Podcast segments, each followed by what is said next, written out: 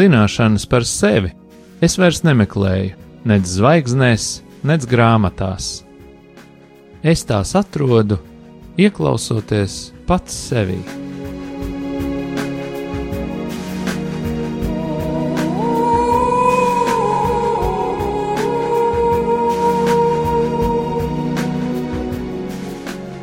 Raidījums Mīlestības terapija top mīlestības mājai, sadarbojoties ar profesionālo pastorālās konsultēšanas asociāciju. Sarunas par sevi, dzīvi, psiholoģiju un dvēseles terapiju.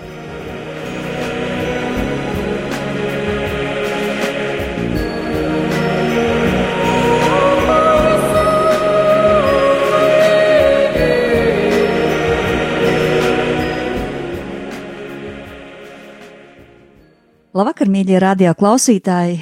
Šovakar redzējumā mīlestības terapija ar jums atkal kopā psiholoģija Ina Grasmana. Un Gatis Līdams ģimenes terapeits, sveicināti! Esam atkal šajā vakarā kopā, lai parunātu par dzīvi un par dažādiem dzīves notikumiem mums apkārt. Un es gribētu šodien turpināt jau kaut kad agrāk iesākt sarunu par ģimeni kā par sistēmu, un gribētu iesākt ar liecību īstenībā tas ir stāsts no manas ģimenes sistēmas, laikam tā varētu teikt, un man tas likās ļoti uzrunājoši, ko es piedzīvoju, tādēļ man gribās arī dalīties šajā liecībā, un mēs varētu parunāt par to arī tādas lielākas dzīves kontekstā.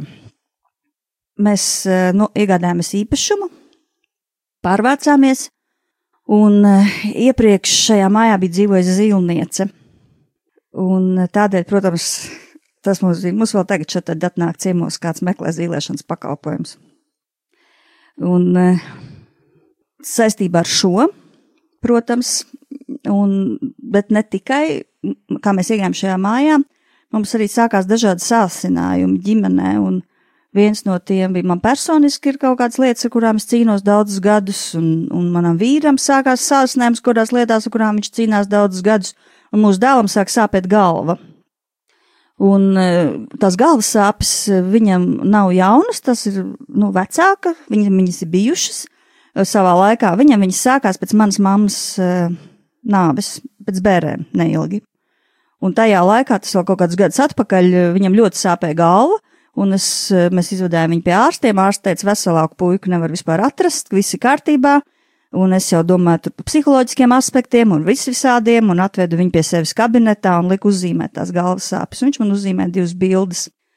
Vienu viņš uzzīmēja zārku un to vecmāmiņu tajā kapā, un viņš teica, ka eh, viņam ir ļoti daudz jautājumu par to, kas ar viņu notiek. Un otru viņš uzzīmēja par vienu tādu sāpīgu situāciju savā bijušajā skolā, kur arī viņš nebija pārstrādājis, ka mēs varējām par to parunāt un izraudāt. Un Bet šis jautājums par to vecmāmiņu zārku palika, un priekš mums tas bija signāls, ka mums vajag lūgties par šo dvēseli, mēs lūdzāmies. Un viņa pārgāja tā galva sāpēt. Un pēc kāda laika viņam atkal sāk sāpēt, un tad atkal mēs lūdzāmies par, mā, par manu mammu, un viņa pārgāja. Un tagad šajā mājā mēs ieejam, viņam ļoti sāk sāpēt galva, un es pat nevaru saprast no sākuma, mēs domājam, ka viņš varbūt simulē, viņam jau pusauģu gadu, viņam viss kaut ko negribās, un Bet pēc tam es redzu, ka viņam vienkārši nu, zūd spēki. Es vienkārši redzu, viņš ir ļoti enerģētisks puisis, viņš tiešām tāds spēcīgs, bet viņam zūd, nu, zūd enerģija. Es vienkārši redzu, viņam nav spēks. Un, un, un nevar saprast, ko darīt, pie kāda ārsta vispār tagad vests, un es fiziski pati redzu, ka viss tur ir kārtībā, un nevar saprast, kur ir tā tā problēma, un tā visa ģimene mūs satiekās ar ļoti lielu tādu problēmu sāsinājumu. Mēs uzdodam jautājumu, kas ir, un tad visā tajā kontekstā, kad arī tā zīlniece tur tajā mājā dzīvojas, mēs izsaucam eksorcistu pie sevis, un tad vienu vakaru viņš tur pie mums ciemojās un, un lūdzās par mūsu māju, svēta par mums visiem, lūdzām, nu, izlūdzām visas eksorcismu lūkšanas. Un, un viņš parunājās arī par tā kā mums tā problēma, tad viņš parunājās ar katru atsevišķi. Un man viņš pajautāja visu par mammu, par tēti, kā viņi nomiruši. Un es izstāstīju, un viņš teica, zini, nu, tas viss izklausās pēc tā, ka tavi vecāki prasa šo Gregoriānisko misi, kur 30 dienas tiek lūgts par uh, nu, par dvēselēm, par dvēseļu atbrīvošanos. Un viņš teica noteikti, ka viņš mums to iesaka, ka viņš domā, ka šīs, šo 30 dienu lūkšanu laikā daudz kas varētu izmainīties arī mūsu tajās visās problēmas situācijās. Un mēs, sapratu, kas bija zīmīgi, šīs misijas nav tik viegli atrast, kas varētu 30 misijas pēc kārtas celebrēt vienā nodomā. Mēs atradām ļoti ātri priesteri, kas atsaucās šim aicinājumam, un tika šīs misijas mūsu baznīcā celebrētas 30 dienu garumā. Un um, mani vīrieši brauca katru dienu gandrīz, uh, mans vīrs ar dēliem brauc uz baznīcu, bija klātesošs, un es internetā lūdzos, un, un tā mēs tām 30 dienām gājām cauri, un bija tā sajūta, ka paliek arvien vieglāk un vieglāk, un sāk arvien vairāk atlaist, arvien vairāk atlaist to smagumu, tās problēmas, dēlam pārgāja galvas sāpes pilnībā, uh, man arī palika arvien vieglāk un vieglāk un vieglāk, un, Un arī vīrs teica, ka paliek ar vien vieglāk un vieglāk un vieglāk. Līdz pēdējā naktī, kad tā pēdējā mise bija, tad uh, viņš gulēja uz grīdas. Pusnakti, lūdzās uh, krusta pozā, jau bija tādi uzbrukumi, ka, mm, nu, viņš teica, viņš neko citu nevar, nav varējis saprast, ko darīt, un, un arī tajā pēdējā dienā vēl pēc mises uh, sāpēja dēlam galvu un pēc tam noņēma kā roku. Un, bet man bija ļoti viegli jau tās pēdējās, tur jau vīrieši nesa visu to garīgo smagumu, un man bija ļoti viegli, un, un kaut kā tāda sajūta pēc tā, tā aizlūguma, ka tāda liela atbrīvošanās ir atnākusi pār mūsu ģimenes sistēmu. Un šis ir mistisks pārdzīvojums, to neviens nevar pierādīt, neviens mediķis to nevar pierādīt. Manam vīram arī galva sāk šausmīgi sāpēt tajā pēdējā naktī, tāpēc viņš lūdzās. Un tas viss eh, kaut kā tā caurvijās, tur neviens, bet viņš saka, es lūdzos, tas priekš manis bija brīnums, jo es, kad es izlūdzos kārtīgi uz tās grīdas, man pārgāja, pilnīgi atlaid to galvu. Un tā, nu, tāda milzīga cīņa, kas kādreiz notiek pa kādām dvēselēm, varbūt, pa ko mēs neko nezinām, bet tas ietekmē šodienas dzīvo cilvēku, eh, nu, dzīves kvalitāti vai kādu problēmu, varbūt, kuru mēs varam atbrīvoties tikai skatoties uz ģimenes sistēmu tādā lielākā kontekstā, kad mēs esam mūsu esošie cilvēki, mūsu mirušie cilvēki, iespējams mūsu zīdēņi, kas ir aizgājuši kaut kādā veidā bojā vai miruši, un ka mēs esam viena liela sistēma, un ka varbūt tās debesis nemaz nav tik tālu un, uh, no mums, un ka mēs esam savienoti tādām neredzamām rokām. Will be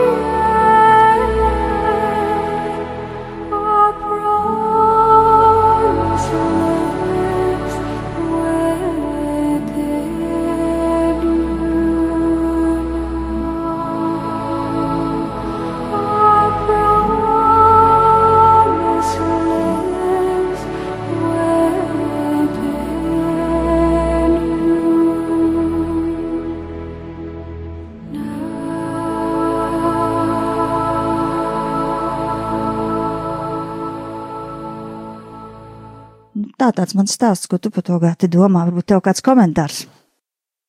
Es tev varbūt pa pavaicāšu pirms es kaut ko saku. Kādu tu iedomātos ļoti kvalitatīvu komentāru no manas puses par šo situāciju? Pasak man lūdzu priekšā. Mēs esam to redzējuši arī šāda veida nu, intervences, teiksim, tādus pieskārienus, ne tik garīgi skatoties, kaut vai vienkārši cilvēks veido kādu ģimenes salikumu, kur pilnīgi skaidri var ieraudzīt šī mirušā cilvēka ietekmi uz šodienas cilvēku attiecībām. Un varbūt tas, ko es vēlētos, lai tu mazliet pastāsti par šo dimensiju, par šo aspektu, e, kā, kā mēs kā terapeiti uz to skatāmies, uz šāda veida situāciju, kad ir viens miris cilvēks, kurš it kā nav, bet viņš ir. Un kas tad tur ir? Aha, jā, nu, tā kā mēs abi esam te dzīvojo pasaulē, diez vai mēs viens otram kaut ko baigi varam pastāstīt par to citu pasauli, bet, nu, kaut, kaut ko jau mēs droši vien nojaušam, redzam, kaut ko zinām, kaut ko esam dzirdējuši. Un, sāk klausoties tajā stāstā, es domāju, redzi, mm, tā doma, ka mēs visi esam kaut kādā veidā savienoti un cits uz citu atstājam iespaidu caur to, ko mēs domājam un darām, tā doma galīgi nav jauna. Tā doma pavisam nav jauna.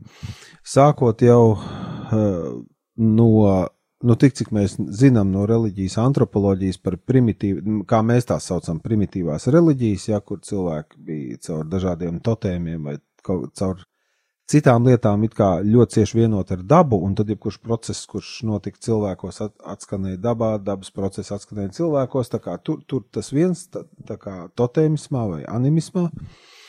Uh, un, un, nu, bet, ja mēs runājam par jaunākiem laikiem, tad uh, droši vien ir divas tādas pieejas. Uh, viena ir nu, tā, tā, ko tu izstāstīji, ka mēs kā, caur dvēseles pasauli, kas ar acīm nav redzama, bet dieva eh, realitātē sajiet kopā, ka mēs tur visi esam saistīti.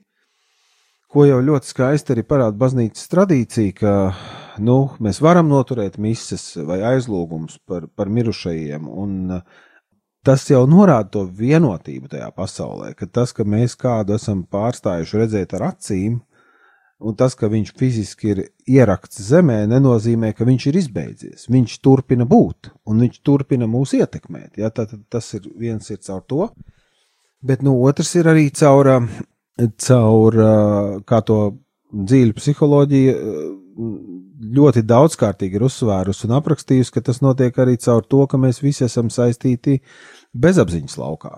Mēs vienkārši visi esam tur kopā mēs kaut ko zinām kopā, ko mēs apziņas līmenī neartikulējam, bet, bet, bet, bet mēs varam caur to arī izjust procesus, kas notiek citos cilvēkos. Un pateicoties šim te apstāšanās laikam, kurš mums ir uzdāvināts, ja es domāju tātad šo tā saucamo krīzi, es pārlasu šādas tādas vecas grāmatas brīvos brīžos, un viena no tām grāmatām, ko es tagad esmu nolēmis pārlasīt, ir Karla Gustava Junga autobiogrāfija man tā tiešām ļoti mīļa grāmata, jo tajā ir daudz kas par daudz ko, teiksim tā, ja.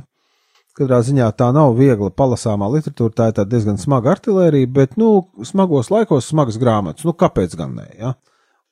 Un uh, viņš apraksta vienu tādu ļoti, viņš apraksta ļoti daudzus interesantus gadījumus savā autobiogrāfijā, bet tas viens, kas man tur tā kā par šo tēmu varētu būt zīmīgs, ir, ka viņam uh, ilgāku laiku bija kāds eh, pacients, vīrietis, kurš bija diezgan smagi depresēts. Un tad viņš it kā dabūja to savu pacientu uz kājām, un viņi atvadījās, bet viņi atvadījās ar tādu norunu, ka, nu, ja tev gadījumā atkal paliks slikti, tūlīt pat zvani man. Vai raksti, nu, tajā laikā, vai nu, raksti laikam bija. Ja? Lūk, un, uh, un kaut kā Jungs, nu, vispār cilvēks, kurš psiholoģijas jomā bezapziņas uh, kategoriju ienes visu mūsu apziņā, Tur viņš raksta, ka viņš ir sajūtis tādu īpašu saikni ar šo pacientu, un viņš arī ir uzzinājis, nu, ka šī vīrieša sieva, viņai nebija paticis šī pacienta kontakts ar doktoru Jungu, un viņi bija likuši šķēršļus kaut kādus tam un tā, ko viņš jau uzzināja vēlāk. Un tātad vienā naktī viņš piepieši atmostās, viņam ir kaut kāds, ja es pareizi atceros, arī kaut kāds sapnis bija, un viņš piepieši atmostās no tā, ka viņš sajūt tādu ārkārtīgi spēcīgu sitienu pa pieri un tūlīt pat viņš sajūt ārkārtīgi spēcīgu sitienu pa pakausi. Tā kā kāds viņam fiziski iegāž ar, ar, ar nūju pa pieri un pa pakausi. Un viņš uztrūkstās no miega un sāk skatīties, kurš ir ienācis istabā, un tur neviena nav, un viņš iziet gaitenī eh, ar domu, ka kāds ir ieskrējis, iesitis un iet prom, un atkal neviena nav, un viņš atgriežas gultā un noguļ to nakti kaut kā līdz galam, bet nu, ļoti dīvaina pieredze. Un eh, kaut kādas dienas vēlāk viņš uzzina, ka tieši tajā laikā, tajā naktī, eh, šis viņa pacients ir izdarījis pašnāvību, iešaujot sev galvā. Pie tam iešaujot sev pierē, un lode ir iestrēgusi galvas kausā no iekšpuses pakausī. Kā tas ir iespējams? Acīm redzot, mēs varam just citus cilvēkus. Un nerunāsim tagad par, par, par, par uh, maģiju, nerunāsim tagad par okultējām lietām. Nē, nē, nē, paliksim pie tā, ka mēs varam kaut ko just par citiem cilvēkiem, ko mēs apzināti nejūtam. Bet ir šis mehānisms, ko mēs varam iedarbināt. Tad, un vēl pēdējā doma, ka, ja mēs runājam par to vienotību dvēseles līmenī, kas ir tā kā dieva realitāte, tad tas jau nebūtu arī neizslēdz to, ka mēs varētu vienoti būt arī visi bezapziņas līmenī cilvēciskākā vai, vai dabiskākā plaknē. Ja? Un tad, ja mēs šādas lietas, nu, par šādām lietām interesējamies un uzzinām un redzam, ka tādas notiek ik uz soļa, tad bez šaubām, ka tādā, tādā vienkāršā instrumentā kā sistēmiskie salikumi, protams, kā arī lietas nāk ārā. Un tas ir bieži tas, par ko cilvēki kādreiz satraucās. Ja mēs liekam, teiksim, salikumu par kādu cilvēku dzīvi, nu, es neiešu detaļās, kā to dara, tur ir dažādas metodas, bet ideja ir tāda, ka vienkārši vesels bars ar cilvēkiem kaut kādā telpā izvietojās attiecībā, nu, saistībā ar to stāstu, kurš viņiem tiek pastāstīts. Viņi katrs ieņem kaut kādu lomu, nu, kāds tur ir, es nezinu, onkulis, tante, brālis, māsa, radinieki ārzemēs, un visi kaut kā tiek izvietot šajā telpā, un tad uh, viņi mēģina saprast kaut ko, kas, kas, kas tad šajā ģimenē ir noticis, vai kur ir, kur ir kaut kādi noslēpumi, vai kaut, kādi, kaut kādas grūtības, ar kurām cilvēki netiek galā un tā. Un tad uh, bieži vien uh, salikumos tas ļoti spēcīgi parādās, ka cilvēks sajūt, ka šai salikumā pietrūkst kaut kas. Šeit viens pietrūkst. Un, un tad viņi tur ieliek, no nu, atkarībā atkal pēc kādas metodas strādā, tur vairākas, ja tad viņi ievieto kaut ko šajā vietā, tie cilvēki, kas tajā salikumā darbojās, un, un tur piepieši parādās kaut kāds cilvēks, par kur stāstā nebija nekas. Vispār neviens neko nav dzirdējis, un piepieši šī vietā kaut kas parādās tajā salikumā. Un tad, kad eh, vēlāk jau nāk nākamais posms, kad tas eh, cilvēks, par kuru lika salikumu, arī var kaut ko runāt, tad es pats klāt vienā tādā, kurš tur, kur vienkārši cilvēks tā kā sabruku, izšķīda asarās, un viņš teica, nu kā jūs varējāt zināt par man mirušo brāli? Es taču par to neko neteicu. Bet iedarbinot šos mehānismus, vesels bars ar cilvēkiem, kuri ir nesaistīti, jūt, ka šeit kaut kas ir nu, ka šeit kāds vēl ir, par ko mēs neko nezinām, un viņš šo kādu ieliek. Bet tas, kurš ir stāstījis stāstu, ir speciāli izlaidis gabalu par šo mirušo radinieku. Un tagad cilvēks ir vienkārši pilnīgi uz pauzes, kā jūs zinājāt. Mēs nezinājām, mēs jutām, ka šeit ir caurums, mēs viņu gribējām aizpildīt. Nu, respektīvi, un, un atkal šeit nav ne okultās zinātnes, ne maģija, šeit ir vienkārši tas, kā mēs varam saslēgties Eh, savā bezapziņā vai arī dievapziņā, nu, vai nu vai nu, ja, un viens otram, manuprāt, nav traucēklis, kā saslēdzoties, mēs varam diezgan akurāti uzminēt zināmas lietas, kuras izrādās ir patiesība.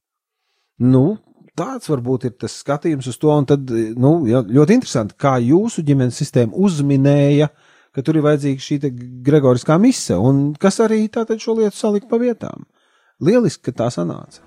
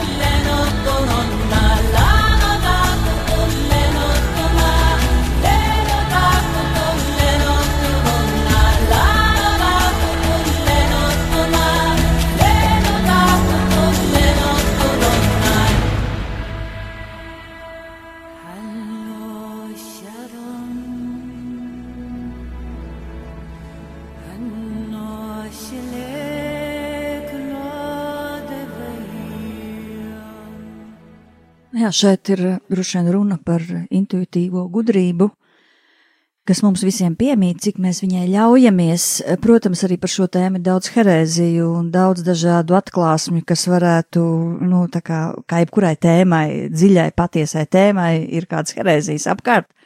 Un droši vien, ka vienmēr vajag, nu, to pārbaudīt, bet ir šī intuitīvā gudrība, kuru dzīvo dziļi, dziļi mūsos, un es domāju, ka vesels cilvēks, viņš spēj savienot savu loģisko prātu ar šo dziļi savu intuitīvo izjūtu, un tad mēs runājam par tādu autentiskumu, patiesu psihisko, garīgo un arī līdz ar to fizisko veselību, un tas ir ļoti svarīgi cilvēkiem, un mūsdienu cilvēkiem ļoti pietrūkst, ja tev nav šīs intuitīvās gudrības un dzīvo tikai galvā, tu tomēr esi tā kā klips cilvēks, un, un otrādi, ja tu nevar, nu, ja tu nevar lietot galvu, tu nevar neko, jā, un, Līdz ar to ir ārkārtīgi svarīgi nonākt tajā vienotībā, kā man dzīvot saskaņā ar sevi, savu visdziļāko būtību, savu unikālo dabu, savu izjūtu, savu intuīciju, un izrādās, ka mēs daudz ko zinām.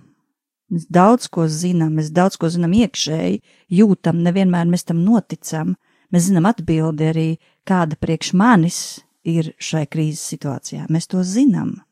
Tikai vai mēs tai noticam, vai mēs apstājamies pie tās, lai mēs dzirdētu, Vienam tas var būt kaut kas pilnīgi jauns, otram tas var nebūt jauns, otram tas būtu pilnīgi vecais apsēsties pie tā apaļā galda visiem kopā. Katram ir kāda gudrība, eh, iekšēji intuitīva, kas eh, ir jāatklāj katram pašam par sevi un kas ir jāpaveic arī šajā grūtajā laikā.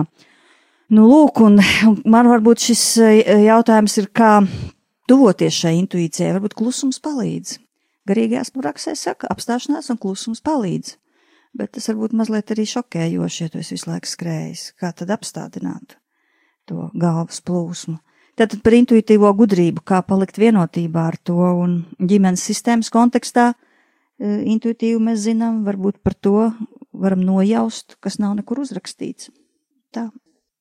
Nē, es domāju par to, ka tā apstāšanās un klusums ir, ir tāds efektīvs ceļš un tā. Patiesībā apstāšanās un klusums ir tas viltīgais veids, kā visstraujāk nonākt pie mērķa. Jo vissvarīgākās lietas nav sadzirdamas troksnī, gan tiešā, gan pārnestā nozīmē, un pat ja apstāšanās un klusums virspusē raugoties šķiet kā milzīgs zaudējums, nu kā tad es tagad, nezinu, desmit vai 15 vai nedod Dievs, kā tie tur kristieši 40 dienas tagad klusēšu un neko nedarīšu, ak Dievs, ko es pazaudēšu, cik daudz naudas, cik Jā, kaut ko mazliet tu pazaudēsi, bet tas, ko tu dabūsi, tik strauji tevi aizvedīs tālāk, tur, kur tu gribi iet, ka tu nevari iedomāties. Līdz ar to klusēšana un, un, un nomierināšanās ir visstraujākā iespējamā virzība uz priekšu. Ja mēs, protams, runājam par, par kaut kādu veidu garīgām, dvēseliskām lietām, kas patiešām ir svarīgas, ja? un atkal tas ir jautājums par to, kā mēs uz to paraugamies. Jo, ja mēs visu sveram un vērtējam, es nezinu, tūlītējā ieguvumā, ja, tad, nu, tad mēs esam kā tāda kliba un neveiksmīga valsts, kura domā, ka tā kļūs bagāta pēc iespējas drastiskākas naudas savācot šodien nodokļos. Tas ir aplami, tas ir atgādni, to pierāda visas pasaules vēsture un ekonomikas teorijas. Ir, ja gribās ļoti daudz naudas ievākt nodokļos, tad ir vispirms kādu labu laiku ļoti daudz jāinvestē, lai būtu no kā tos nodokļus paņemt. Ja? Tātad sākumā tu vienmēr, ja tu gribi nonākt līdz labam mērķim, produktīvam, auglīgam, daudzskaitlīgam, tad sākumā ir tas periods, kurā tev šķiet, ka nekas nenotiek. Un atkal, mēs esam nevis pie jaunām lietām, mēs esam pie ļoti vecas lietas atpakaļ. Līdzība par sējēju par sēšanu, par sēklu, kas krīt dažādās zemēs. Tad, nu, jebkurš zemnieks, jebkurš cilvēks, kurš vēl, paldies Dievam, dzīvo ar vienu kāju vai abām laukos, viņa vai viņš zina, tad, kad tu iesēji sēklu zemē, tur ļoti ilgi nekā nav. Tur ir plika zeme, peļķains lauks, un tur nekā nav. Bet ir jāpaiet dažiem mēnešiem, un skat, viss tas lauks ir tāds maigi zaļš. Tu vēl neredzi neko īsti, bet ir tāds maigi zaļš. Un tad, kad tur ienākās tā kultūra, nezinu, labībā, nu, labi, paliksim pie labības, ja, nu, tad tik tu redzi, cik no viena graudiņa izauga vārpā, cik tur ir graudi, ak, kungs, kāda ir atdeve. Bet jānākās dažus mēnešus pabūt pie plika lauka. Gribās strauji virzīties uz priekšu, droši vien ir vērts dažas nedēļas vienkārši padzīvot klusumā, jo tas tev aiznesīs visstraujāk uz priekšu. Nu, apmēram tādu refleksiju varētu par to iedot, bet, nu, atkal, katram jau savs. Un, ja nu kādam ļoti gribās ar pieru izgāzt mūri, tad uh, laipni lūgti, pieri jums ir tikai viena, mūru ir ļoti daudz un uz priekšu. Nu, varbūt, ka jūsu pieres pietiks kādam laikam. Jā,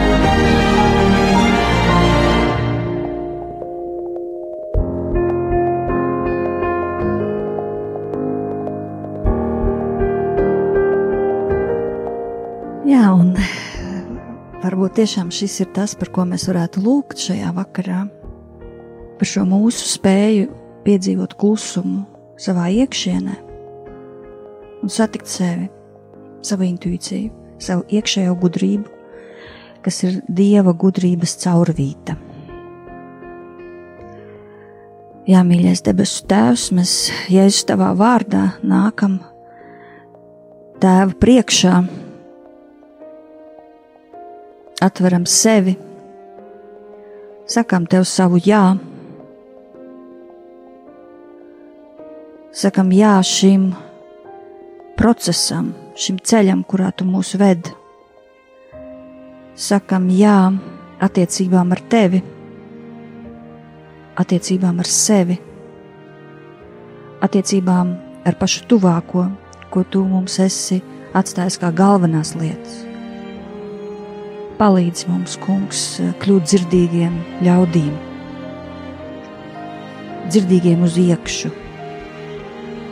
un varbūt mazāk dzirdīgiem uz āru.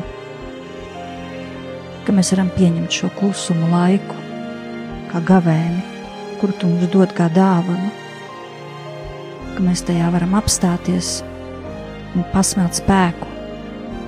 Un tas, ko mēs dzirdam šeit, klusumā, savā klusajā cellē, Zinām, kungs, ka to mēs sludināsim uz jumtiem, tavā spēkā. Svētīt Tēvs katru namu, katru vienu ģimeni, kas ir apstājusies savā mājoklī. Svētī ar mierīgu garu, ar šo klusumu, ar spēju apstāties, dzirdēt sevi, sajust. Svētīt Tēvs mūsu! Dieva tēva, dēla un svētā gara vārdā. Amen!